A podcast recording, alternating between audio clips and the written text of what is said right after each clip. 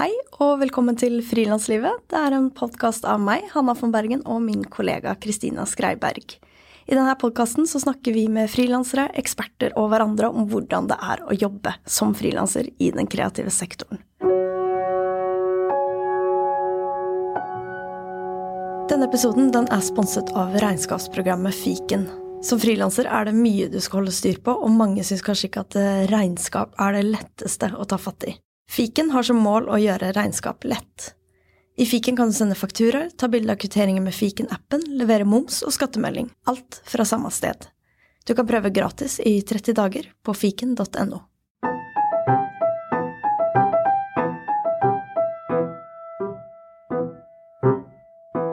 Dagens episode skal handle om penger, sparing og bufferkonto. Og dagens gjest eh, hun bruker mye av sin fritid på å spare penger, skrive eller snakke om penger. Lise Wermelid Christoffersen er 31 år gammel, og hun jobber som emballasjeutvikler i Tine, og er en skikkelig spareentusiast. Hun har sin egen podkast og blogg med navn Pengesnakk, og Lise hadde nedbetalt hele boliglånet sitt før hun fylte 30, og sparer nå til pensjon. Hvis hun fortsetter med å spare to tredjedeler av lønnen sin, slik hun gjør i dag, så kan hun faktisk pensjonere seg om ti år og leve av avkastningen de sparte pengene gir henne. Altså, eh, det her er jo et slags sånn ekstremtilfelle av en sparer, og jeg kan nesten bli litt provosert når jeg hører det her, men jeg blir også ekstremt nysgjerrig på hvordan hun har fått det til. Og selv om en tidlig pensjonsalder ikke er motivasjonen for de fleste, så tenker jeg at Lises sparetips og hennes eh, tanker om bufferkonto og hvordan motivere seg til langsiktig sparing er veldig relevant for de fleste frilansere. Fordi som frilanser så må man jo spare til egen person, feriepenger, sette av skattepenger, moms, ideelt sett sykeforsikring, bufferkonto og mye annet. Og inntekten kan jo også variere veldig fra måned til måned, og det kan ta tid å få fakturaene betalt. Og jeg tror mange syns eh, generelt at det er vanskelig å spare penger. Så det her gleder jeg meg til å ta et lite dypdykk inn i. Hei, Lise. Hallo. Veldig hyggelig å ha deg her. Jo, takk for at jeg fikk komme. Hva er det med sparing som du syns er så motiverende? For meg så handler det mye om trygghet. At jeg føler meg trygg når jeg har eh, penger på konto. At hvis det kan skje noe, eh, så er jeg forberedt på store og små kriser.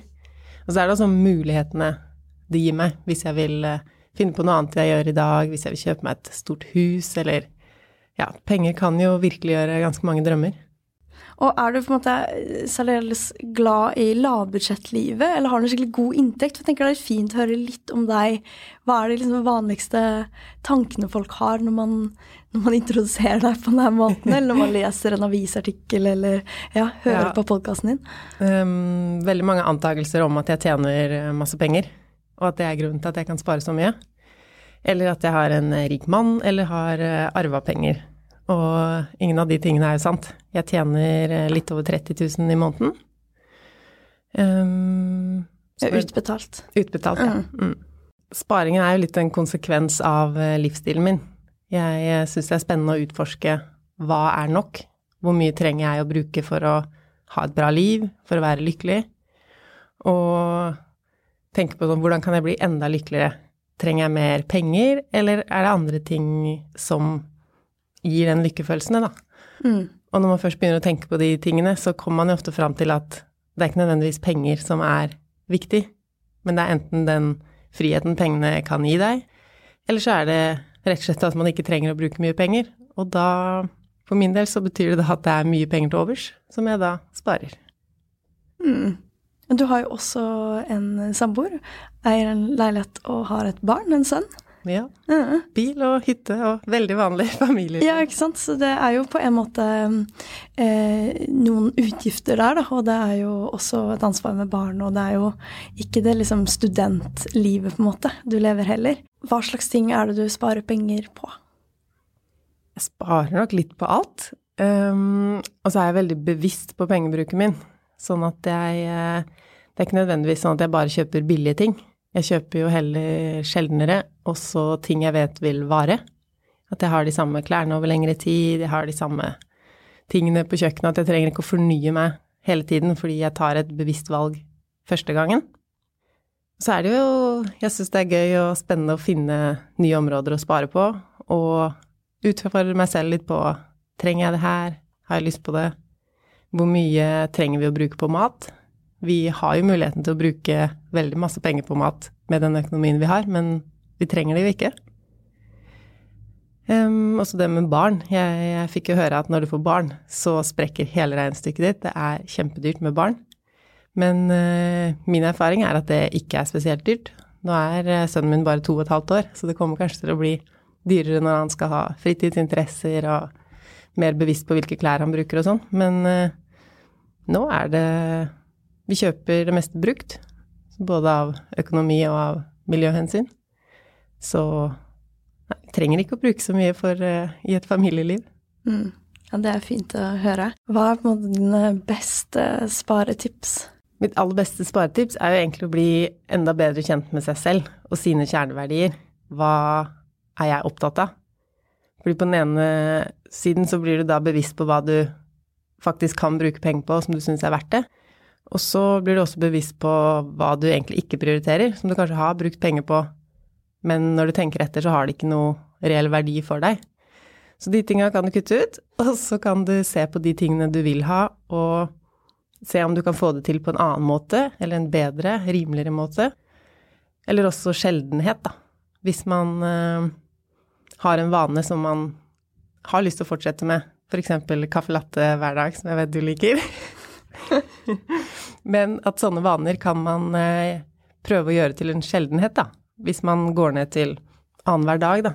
Om den kaffen får enda bedre smak og mer verdi for deg hvis den ikke blir bare en vane, noe man mm. gjør. Eller kanskje ha med på termos.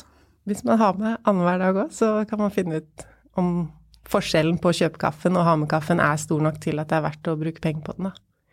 Så det handler egentlig om en bevissthet i alt, og tenke gjennom pengebruken sin på ja, både små og store ting, da. Mm. Blir du noen gang sliten av å tenke så mye på penger, eller syns du på en måte det er gøy og, og givende? Jeg syns det er gøy og givende, og spesielt når jeg får delt så mye av det gjennom eh, blogg og podkast og Instagram og sånn. Men samtidig tenker jeg at målet med å skaffe oversikt over sin egen økonomi er jo å slippe å tenke på penger. At hvis du først har gjort den jobben med å ja, få oversikt og finne ut ditt kompass for pengebruk, da, hva skal jeg bruke penger på, hva skal jeg ikke bruke penger på, så slipper man å tenke så mye på penger i tiden framover, da. Og jeg har også eh, lest at du er fan av eh, Team matpakke. Ja, det er hashtagen min. Jeg, jeg er veldig glad i å ha med matpakke.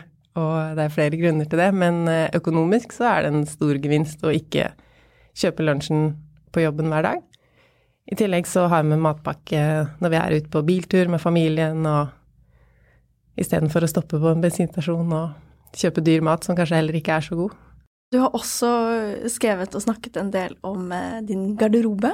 Ja. Som en annen ting, som et slags sånn sparetips, men også som en litt sånn livsstil og en, jeg vil tro en slags kjerneverdi for deg. Kanskje du kunne fortalt litt om det? Ja, jeg er enig i at det har med kjerneverdier å gjøre, og å bli bedre kjent med seg selv. Fordi jeg har en eh, garderobe som består av 33 plagg.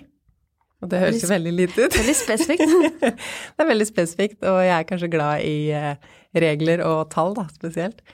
Så jeg leste om dette prosjektet med å ha 33 plagg i garderoben, og fant med en gang ut at det må jeg prøve. Så den garderoben har jeg hatt i fire år nå, er det vel? Tre, tre år, kanskje. Eh, så jeg bytter ut hver tredje måned for en ny sesong. Så jeg pakker vekk vinterklærne nå, og har tatt fram vårklær. Så det inkluderer sko og ytterjakker og sånn, men eh, undertøy og treningstøy trenger du ikke å telle. Mm. Hva gir det deg å ha en, en sånn tilnærming til måte, klærne, klærne dine og garderoben? Det gir meg en eh, oversikt. Jeg liker å ha det ryddig i skapet, sånn at jeg ser hva jeg har. Og eh, det er tidsbesparende, for jeg kan bare stå opp og så velge noe. Fordi det som henger der, veit jeg jo at passer meg i de tre månedene jeg skal ha det. Det passer temperaturen, og jeg prøver også å eh, henge det opp sånn at det passer sammen. Hvilke farger som passer med hverandre og sånn. Og så gjør det meg veldig bevisst på at jeg ikke trenger flere klær enn jeg har. Fordi da jeg begynte med den garderoben, så hadde jeg kanskje 200-300 plagg. Jeg vet ikke. Jeg har lest at en norske gjennomsnittet er å ha 350 uh, plagg i skapet. Ja, det er wow. Jeg tror man tenker alltid at man har mindre enn det man har. Også hvis man flytter, f.eks., eller tar en slik sånn vårrengjøring. så bare ser du det vokse frem, da. Mm, så man begynner å telle. Mm. Så eh, kapselgarderobe er rett og slett eh, bare å ta ut alt av skapet, og så henger du opp favorittene, og så er det det som er garderoben din. Så det er veldig deilig og praktisk og Nei, så det anbefaler jeg, altså. Prosjekt 333. Har du andre sparetips som eh, du eh, tenker på? Jeg prøver ikke å gi så mange spesifikke sparetips, egentlig, for jeg er opptatt av at det skal handle om eh, personlighet, hva du selv prioriterer. Så derfor vil ikke jeg si til noen at ikke bruk penger på dataspill, bare fordi jeg ikke er interessert i dataspill. Så har jo det en verdi for andre. Så det er mer det å få opp den bevisstheten om seg selv, og ut fra det du finner ut om deg selv, så kan du kutte ut ting som ikke gir deg verdi, da. Har du hatt en, en måte, prosess med å finne fram til hva du syns det er verdt å bruke penger på, og ikke å liksom finne de her liksom kjerneverdiene? Det er nok en prosess, og jeg har ikke vært så bevisst på det for min egen del, men uh, i og med at jeg bruker så lite penger som jeg gjør, det er jo veldig ofte at jeg går uten lommebok, og de fleste dager så bruker jeg ikke penger. Og det gjør at når jeg først skal kjøpe noe, så er det en ordentlig prosess. Da får jeg tenkt meg om, jeg kan se finner jeg noe tilbud på det her, kan jeg kjøpe det brukt? Veldig lite impulsshopping. Ja, det er jo veldig lurt, for det er jo der mye av pengene eh, liksom siler ut. Er jo på det her ah, nei, bare kjøpte den, eller ja, det ble lunsj ute, og det ble den kaffen, og de her eh, Er det liksom mest i de småbeløpene? Føler du at det er der sparingen ligger? Absolutt. Og det er det flere grunner til, både fordi at det er de småbeløpene som blir mye over tid, som man ikke tenker at ja, det er jo bare 30 kroner. Ja, det er det, men 30 kroner pluss 30 kroner pluss 30 kroner. Og så er det noe med det man innser når man begynner å spare på småting. Hvordan tenker du da når du kjøper noe dyrt? Så blir den bevisstheten du bygger opp ved å spare på småtingene, har en effekt på det store bildet. Mm. Har du jobba med å, å synliggjøre det, eller sånn uh, sett liksom hva du bruker penger på og ikke, eller har du, eller har du bare tatt liksom hver avgjørelse uh, for seg, da, hvis jeg kan si det sånn? Ja, jeg har jo ikke noe veldig um, nøye budsjett eller føre regnskap. Nå gjør jeg det litt på bloggen, fordi jeg får mange spørsmål. Hva er det du bruker penger på? Det, hvordan går det an å bruke så lite? Mm. Så da har jeg sett på forbruket mitt for at jeg får rapportert til de som lurer på det. Men sånn for min egen del så har jeg en strategi der jeg sparer først. Så når jeg får inn lønn, så setter jeg av de sparepengene jeg skal spare og investere osv. Og, og så kan jeg bruke resten av pengene som jeg vil. Så jeg har ikke noe strengt budsjett eller noe jeg må holde meg innafor. Mm. Og hvordan, eh, hvordan, går det an, hvis jeg er, eh, er din lytter da, og stiller det spørsmålet, hvordan ser på en måte forbruket ditt ut? Forbruket mitt, eh, de største postene i forbruket mitt er husleie, eller fellesutgifter i sameie, mat og barnehage. Og så har jeg jo strøm og forsikringer og internett, som alle andre, og så er det litt personlig forbruk på kanskje 3000. Mm. Ikke sant, for da bruker du ca. 10 000 i måneden. Å leve. Altså, det er jo imponerende. Jeg, jeg syns det er skikkelig inspirerende også å høre. Og jeg har forstått måte, eh, av å høre på podkasten din og lese at du ikke føler det her som noe, eh, noe tap eller noe du går glipp av, for det kan jo være vanlig fordom. Kan jo være liksom Ok, men er du, er du gnien, eller er det liksom hvordan eh, eller er du en livsnyter? Liksom, det handler om hvor viktig er liksom lang, framtiden langt der fremme med pensjonsalder, og er det ikke viktigere å leve her og nå? Eh, hva, hva liksom føler du når jeg sier det? Det er jo et av de vanligste spørsmålene jeg får. Og eh, som bygger på en litt feilaktig oppfatning om at det å leve og det å bruke penger er to sider av samme sak. Sånn at enten sparer du, eller så lever du. Og for meg så er jo de tingene samme sak. Jeg sparer kjempemasse, og så lever jeg kjempemasse. Men det livet jeg har lyst til å leve, koster bare ikke så mye. Og da får jeg til begge deler. Mm. Ja, det er fint.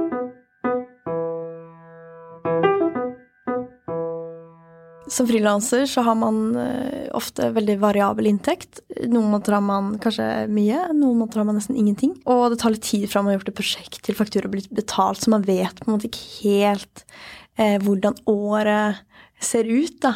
Det er ikke så forutsigbart alltid. Og, uh, så det kan være vanskelig å sette av et fast beløp har du noen på en måte tips til gode måter å spare når man ikke vet helt hva slags inntekt som kommer? Ja, det gjør det jo enda viktigere for dere å ha en bufferkonto og ha litt oppsparte midler. Fordi hvis du har den tryggheten i en bankkonto med penger, så kan du også bruke tid på prosjekter som ikke nødvendigvis lønner seg første måneden. Men hvis du, har, eh, hvis du er avhengig av inntekt, så må du kanskje gjøre mindre ting som aldri helt blir det store. Mm. Um, og jeg sparer jo den dagen jeg får inn lønn, og det går automatisk på dato. Men eh, som frilanser, når du kanskje får inntekt fra forskjellige steder og til forskjellige datoer, så ville jeg jo tatt hver enkelt innbetaling og sett Skal jeg sette av 10 av den? 20 kanskje, hvis den var eh, stor. Um, og så med pensjon, dere må vel sette av alt selv til pensjon? Ja. ja. Da Det er skummelt. ja, det er ikke du, Som fast ansatt så har man jo en arbeidsgiver som måtte spare på dine vegne til feriepenger og, og ordner med skatten og ja, fikser litt pensjon. Mm. Så det er jo veldig, veldig viktig at man eh, tar det her på en måte alvorlig også for sin egen fremtid, da, fordi man nettopp ikke har de samme sosiale rettighetene. Mm. Mm. Så med pensjon er det jo veldig viktig å sette av en eh, prosentdel ved hver eneste innbetaling. Om det er 2% så hjelper det i det lange løp. Mm. Jeg gjør sånn, nå skal jeg skryte litt Bra. når jeg får en faktura. Jeg har lagd på bankkontoen min, så jeg har lagd ulike kontoer for å liksom skille det. Hvor den ene heter moms, den andre heter skatt. Og så er det der jeg får pengene inn, som er liksom brukskontoen da, til enkeltpersonsforetaket mitt. Og så er det andre sine penger, har en egen konto når jeg f.eks. har med en musiker på konsert og har liksom fakturert for oss begge, sånn at jeg vet at de pengene er ikke mine. Eh, og så har jeg lagd en konto som heter feriepenger. Og da setter jeg 10,2% fra hver faktura over på feriepengekontoen. Og så setter jeg da skatt og moms, eh, sånn at eh, da vet jeg liksom ok, det står masse penger der, men det er de er ikke mine. Og man får litt den samme følelsen med da Feriepengene er jo mine, og det er basically penger jeg bare har spart i en egen konto. Men det føles mye mer ut som at de er litt hellige, og de vet jeg har et sånn eh, designated liksom mål, da, og jeg skal ikke bruke de eh, til andre ting. Hvis ikke det er krise, da, da ryker jo de reglene. Men eh, Så det er en feriepengepott, og det føles skikkelig bra ut. Ja, det høres ut som et helt genialt system. I hvert fall hvis man er av typen som bruker penger litt etter saldometoden. Altså har du mye penger på konto, så er det lettere å bruke. Men når du nå har fordelt det utover og ser at du har faktisk ikke så mye på tilgjengelige midler, men du har ting som skal brukes til andre ting. Helt genialt. Um, at du har den feriepengekontoen, kan du også bruke som bufferkonto hvis det skjer noe spesielt en måned. Mm. Men uh, hva med pensjon? Jeg må ærlig innrømme at jeg ikke har begynt å spare til pensjon. Uh, og det har jeg liksom all Jeg skal gjøre det. Og det er ikke noe jeg bare sier, men det skal jeg faktisk gjøre. Pensjon er jo veldig langt fram. Og det er jo det som gjør det litt vanskelig å forholde seg til òg. Og de som har en fast jobb, har jo da en arbeidsgiver som setter av 2% eller 5 for noen. Eh, og så må man spare ved siden av. Også de som eh, har en fast arbeidsgiver. Men eh, som minimum av det dere frilansere bør gjøre, er jo å sette av de to prosentene. Det finnes jo noe som heter IPS, en spesiell pensjonskonto. Og hvis man setter inn penger der, så blir pengene låst fram til du er 62.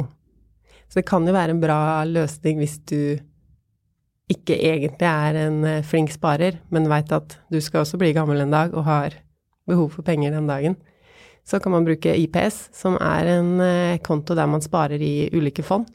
Så pengene skal vokse over tid, da. Så er det noen spesielle skattefordeler med den kontoen. Eh, til min pensjonssparing så bruker jeg en vanlig aksjesparekonto som også har noen fordeler når det gjelder eh, skatt. Men pengene er ikke låst, så jeg kan bruke det til noe annet hvis jeg vil. For det som er viktig når det er et så langsiktig sparemål, er jo å få pengene til å bli mer enn de i utgangspunktet var. Så hvis du sparer de i en uh, liten boks hjemme, så har du jo like mange kroner, men kronene er jo mindre verdt i framtida pga. inflasjon.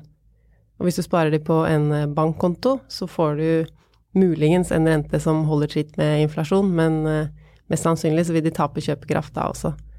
Så derfor må man inn i det skumle aksje- og fondsmarkedet, som eh, er en kjempebra mulighet til å få avkastning når du har såpass mange år igjen. Mm.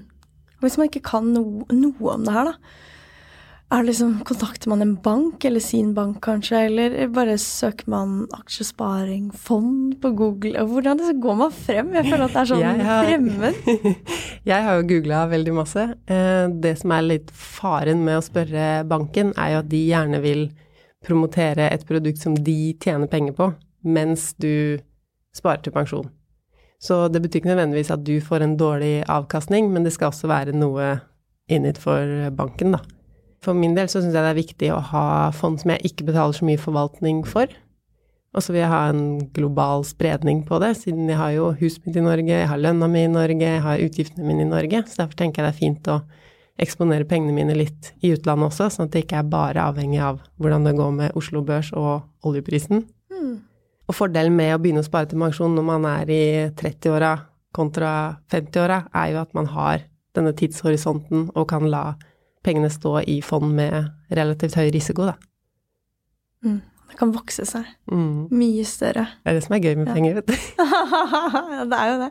Jeg tenker på det med de feriepengene. Så føltes det når jeg starta med å sette av de 10,2 prosentene, så er det jo Altså, jeg kan jo få en faktura på 1000 kroner, eh, eller 2000 kroner, og det føles veldig sånn lite ut å sånn sette opp at her er 100 kroner til den kontoen. Det er det, Ja, det har vært veldig mange ganger jeg tenkte ja, men det er noe vits når det er så små fakturaer.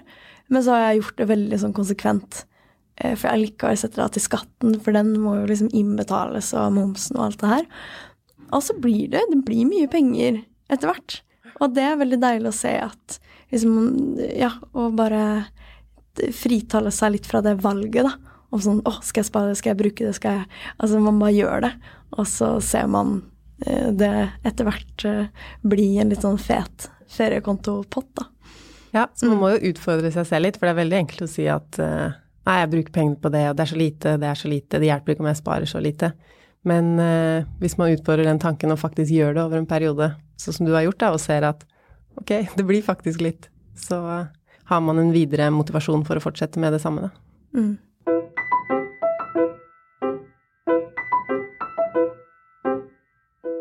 Bufferkonto. La oss prate litt mer om det. Kan du fortelle litt hvorfor, hvorfor syns du det er viktig med, med bufferkonto? Bufferkonto er jo et veldig kjedelig sparemål, fordi man ikke vet hva man sparer til. Og mange sparemål som er sånn ferie, du veit hva det innebærer, du skal bade eller du skal se på noe gøy, eller du kan glede deg til det, og det gjør følelsen av å sette av penger til det, da er det verdt det, for du veit hva du skal.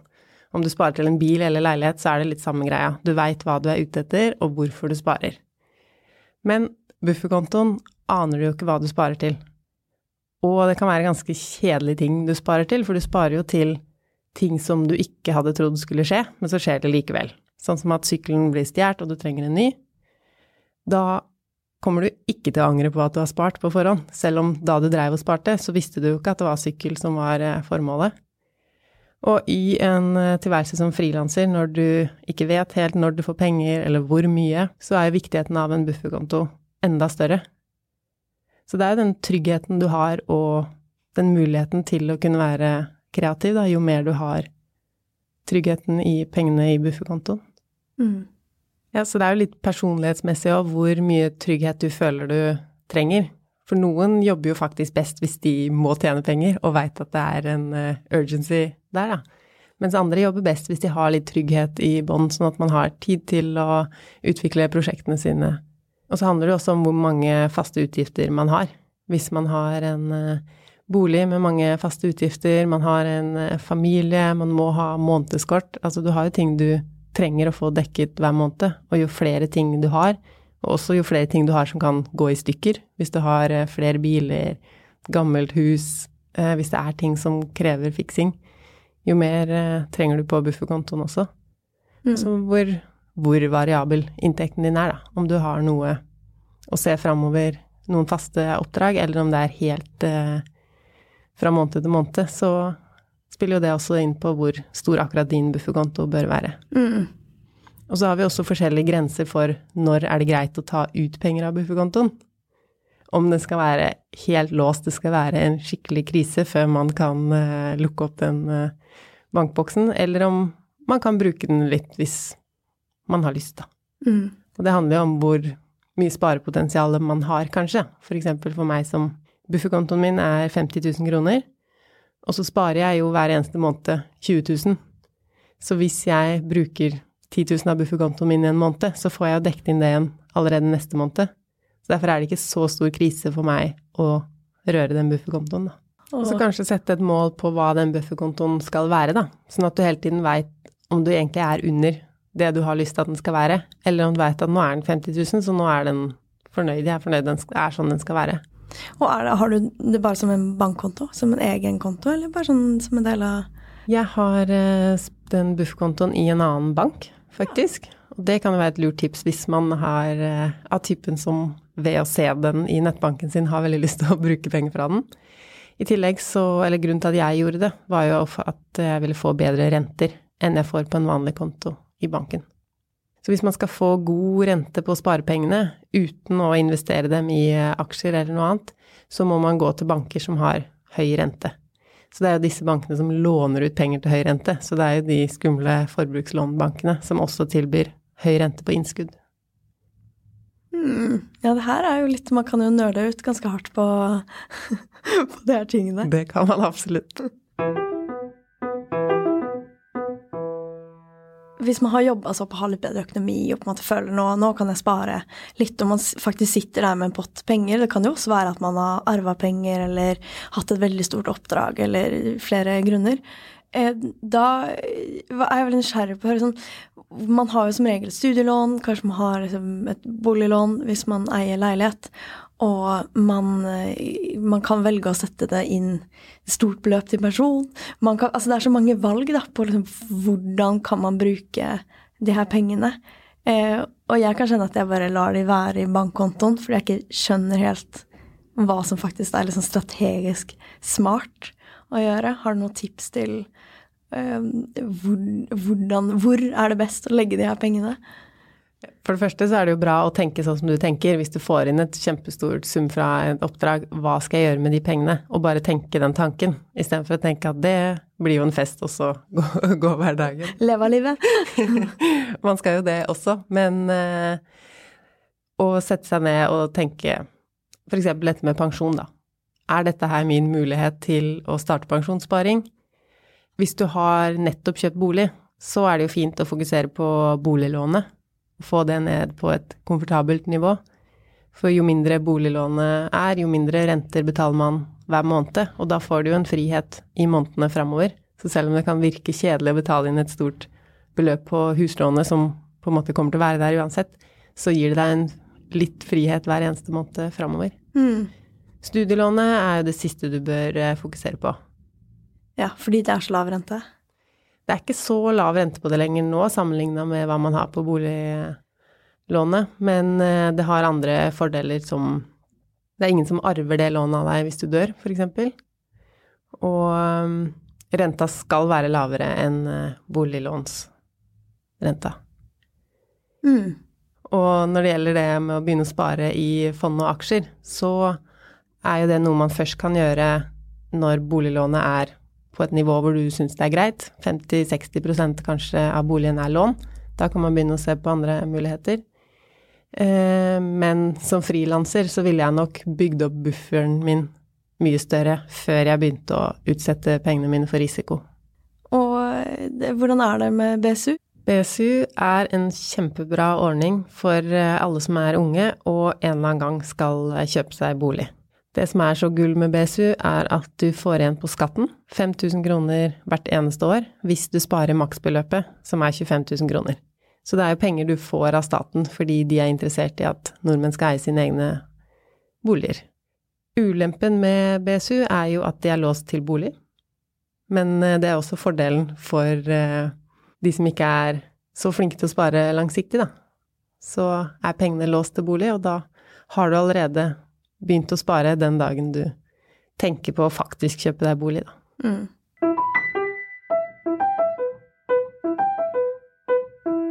Jeg føler jo, Vi snakker jo mye om det her med de småbeløpene, mm. og at litt av liksom kjernen ligger i, i, den type sparing. da.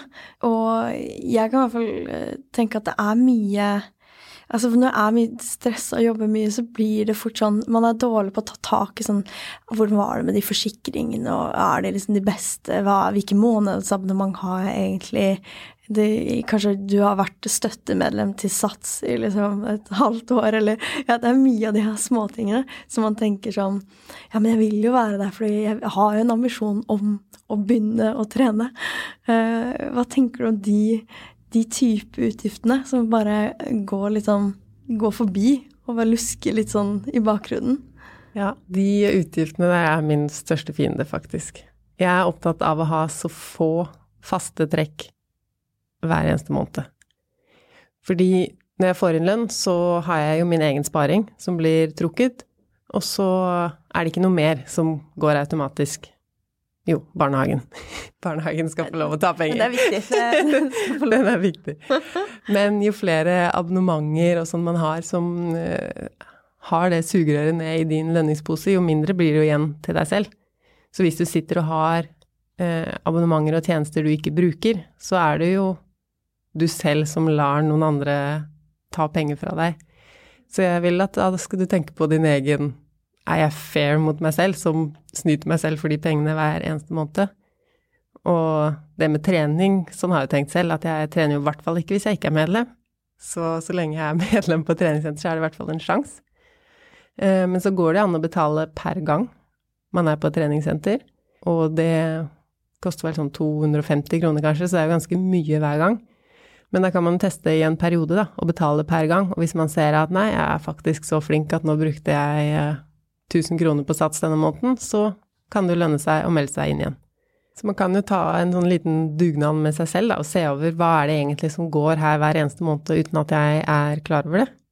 Og så kan man eh, avbestille noen tjenester, gjøre om på noen ting, og finne ut hvilken retning pengene egentlig skal ta, da. Mm, jeg har faktisk sett sånn en dag og, og se hva er, hva er det jeg har av faste utgifter. Jeg tror det er veldig mange som ikke er så bevisst over hva faktisk som man eh, har av faste kostnader hver måned.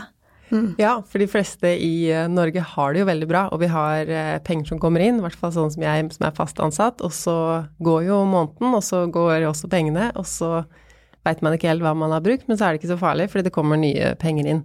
Så den øvelsen å faktisk ta seg tid til å se hva går ut på hva her, den er kjempenyttig. Og da kan du også se om det du faktisk bruker penger på, henger sammen med de verdiene og prioriteringene du egentlig har sagt du skal ha, da. For hvis det er en veldig skjevt bilde der, så er det jo masse du kan endre på. Jeg nevnte i stad at du kjøper eh, nesten alt brukt. Um, og så har jeg også lest at du har Du hadde sånn uh, 100 ting-prosjekt Selge 100? Selge 100. Vil du ja. fortelle litt om det? Det begynte jo med at jeg skulle sette opp sparemålet mitt for i år. Og så ville jeg jo at det sparemålet skulle være høyere enn i fjor, for at det skulle være en uh, utfordring. Og så så jeg det at når jeg satte opp det sparemålet, at det har jeg jo ikke sjans til nå med min uh, vanlige lønn. Så jeg måtte finne noen alternativer. Uh, blant annet å leie ut bilen var en av de, og så en annen ting jeg kom på, var at jeg skulle selge 100 ting hjemmefra. Da har jeg lenge vært opptatt av det med hjembruk, at jeg kjøper brukt og selger ting vi ikke trenger lenger. Men så har jeg en del småting som virkelig er småting, eh, som jeg ikke hadde så motivasjon for å legge ut, fordi hvis du får 100 kroner for det, er det noe, er det noe vits? For det er jo litt fram og tilbake med de som skal kjøpe, og det må være hjemme når noen skal hente det, osv. Men så fant jeg ut at hvis jeg selger 100 ting her hjemmefra, så blir det jo penger av det til slutt, og jeg får det ryddig. Og så er jeg jo ikke noe glad i å kaste det, og jeg treng, trenger jo ikke de tingene selv, så da blei det selge 100. Så når jeg først skrev om det på bloggen, så var det veldig mange som også ville selge. Så da har jeg laget et sånt skjema hvor man kan krysse av underveis og følge med visuelt på framgangen. Så jeg har ikke kommet så langt selv ennå. Jeg har solgt 24 ting, mens eh, noen av følgerne de deler jo på Instagram, det er veldig gøy, hvor at de har solgt eh, for 20 000 kroner, eller de har solgt 60 ting, og så mm. det er det er gøy, altså. Og det er veldig fint også å kunne se sånn at den andre får liksom glede av det. Og ja, det kan brukes. Det er brukes. noe av det beste ved det hele, når de kommer, og så har de bruk for det. Fordi ofte så står jeg i den situasjonen selv, at jeg har lyst på et eller annet som Jeg har ikke lyst til å kjøpe det nytt, Og så veit jeg at noen har det i boden, men de må bare legge det ut sånn at jeg kan komme og hente det. Mm. Får du noen gang reaksjoner fra venner og kjente på at du tar andre valg enn de når det gjelder penger? Jeg tror nok mange av de valgene jeg tar, ikke er så synlige for uh, folk flest. Um, hvis vi er på puben, eksempel, så tenker jeg noen ganger at øl er øl, så kan jeg velge den billigste, fordi det ikke gir meg så mye mer å kjøpe en som koster 30 kroner mer, da. Eller så kan det være at jeg uh, Jeg går jo i de samme klærne hele tiden, og jeg tror ikke det er sånn at folk egentlig merker det. Men når det gjelder å spise ute og sånn, så i hvert fall nå, når jeg har fortalt hele Norge hvor mye jeg sparer, så tror jo ingen at jeg vil være med på noe som koster penger lenger. Eh, men det å være med venner og kunne spise ute og dra på pub og sånn, er jo noe jeg vil prioritere. Fordi venner er på prioriteringslista mi. Så jeg er absolutt med på gøye ting. Ja. Det meste jeg gjør i livet mitt, er jo gratisaktiviteter. Og når jeg har jobben min og familien min og bloggen og sånn som jeg gjør på kveldstid, så har jeg ikke så mye tid til aktiviteter. Så det blir jo billig av den grunn. Jeg er jo veldig glad i å være sammen med venner, andre familier med barn. Og da syns jeg jo det er best å være hjemme hos oss eller hjemme hos noen av de andre. Fordi når man har barn, så er det stress å være på kafeer, og det er ikke den kosen det burde være. Så er det bedre å være hjemme hvor det er mer barnevennlige omgivelser og så er vi veldig glad i å gå på biblioteket. Sønnen min er en liten lesehest, så biblioteket bruker vi masse. Jeg spurte følgerne mine på Instagram en dag hva, hva er deres tips til gratisaktiviteter, hva liker dere å gjøre? Og der blei det jo så enorm respons at jeg lagde et blogginnlegg med 71 ulike tips til gratisaktiviteter. Wow, nice. Så det ligger fortsatt på pengesnakk.no, så der kan man jo gå inn og få noen mm. tips. Og et tips eh, det finnes jo, Nå kommer det veldig mye sånn tjenester. Det fins jo på en måte egne butikker som bare selger mat som har gått ut uh, på dato. Uh, og det fins app som f.eks. heter Too Good To Go. Som, hvor du kan kjøpe mat som restauranter og kafeer har tenkt å kaste ut. Så det er jo liksom Samfunnet blir jo også litt mer sånn etter hvert skrudd sammen litt lettere til å finne og selge brukte ting og gi deg det her som både er bra for miljøet og bra for lommeboka. Ja. Det er de tingene jeg liker aller best, de som både sparer miljøet og som er billige for meg, da. Og sånn som den appen Too Good To Go har vi brukt en del og henter bakevarer og det er liksom spenningsaspekt med det. Hva får vi i dag? Er det brød, eller er det boller? Som kan bli fest, eller kan bli hverdag. Så det føles godt å spise noe som ellers ville blitt kasta. Ja, det er jeg veldig enig i. Du, Lise, det var utrolig hyggelig å få slå en prat med deg. Eh, at jeg fikk komme. Og jeg håper dere som lytter eh, følte dere inspirerte og ser viktigheten av bufferkonto. Og, ja, og tenker litt på de små valgene i livet da, som eh, ikke nødvendigvis gir dere så mye, som heller kan være brukt på noe annet. For det å tenke langsiktig, selv om det høres kjedelig ut, så er det innmari deilig den dagen man har det på plass og veit at pensjonsgreia, det løper og går som det skal, og jeg har bufferkonto, og lånet er på et komfortabelt nivå, så gir det en følelse som er verdt eh, mange av de småkjøpene. Ja, da er plutselig ikke den latten eh, så på en måte verdifull. Jo, den er det. Akkurat den er kanskje Akkurat latten. Kanskje noe annet. Te, den kopp teen. Den er ikke verdt det. Den, den er kjip. ja, takk for praten. Takk skal du ha. Mm, ha det. Hvis du likte det du hørte, så setter vi utrolig pris på om du har lyst til å dele det med andre frilanskolleger. Det betyr masse for podkasten og for muligheten vår til å fortsette å lage bra innhold. Takk.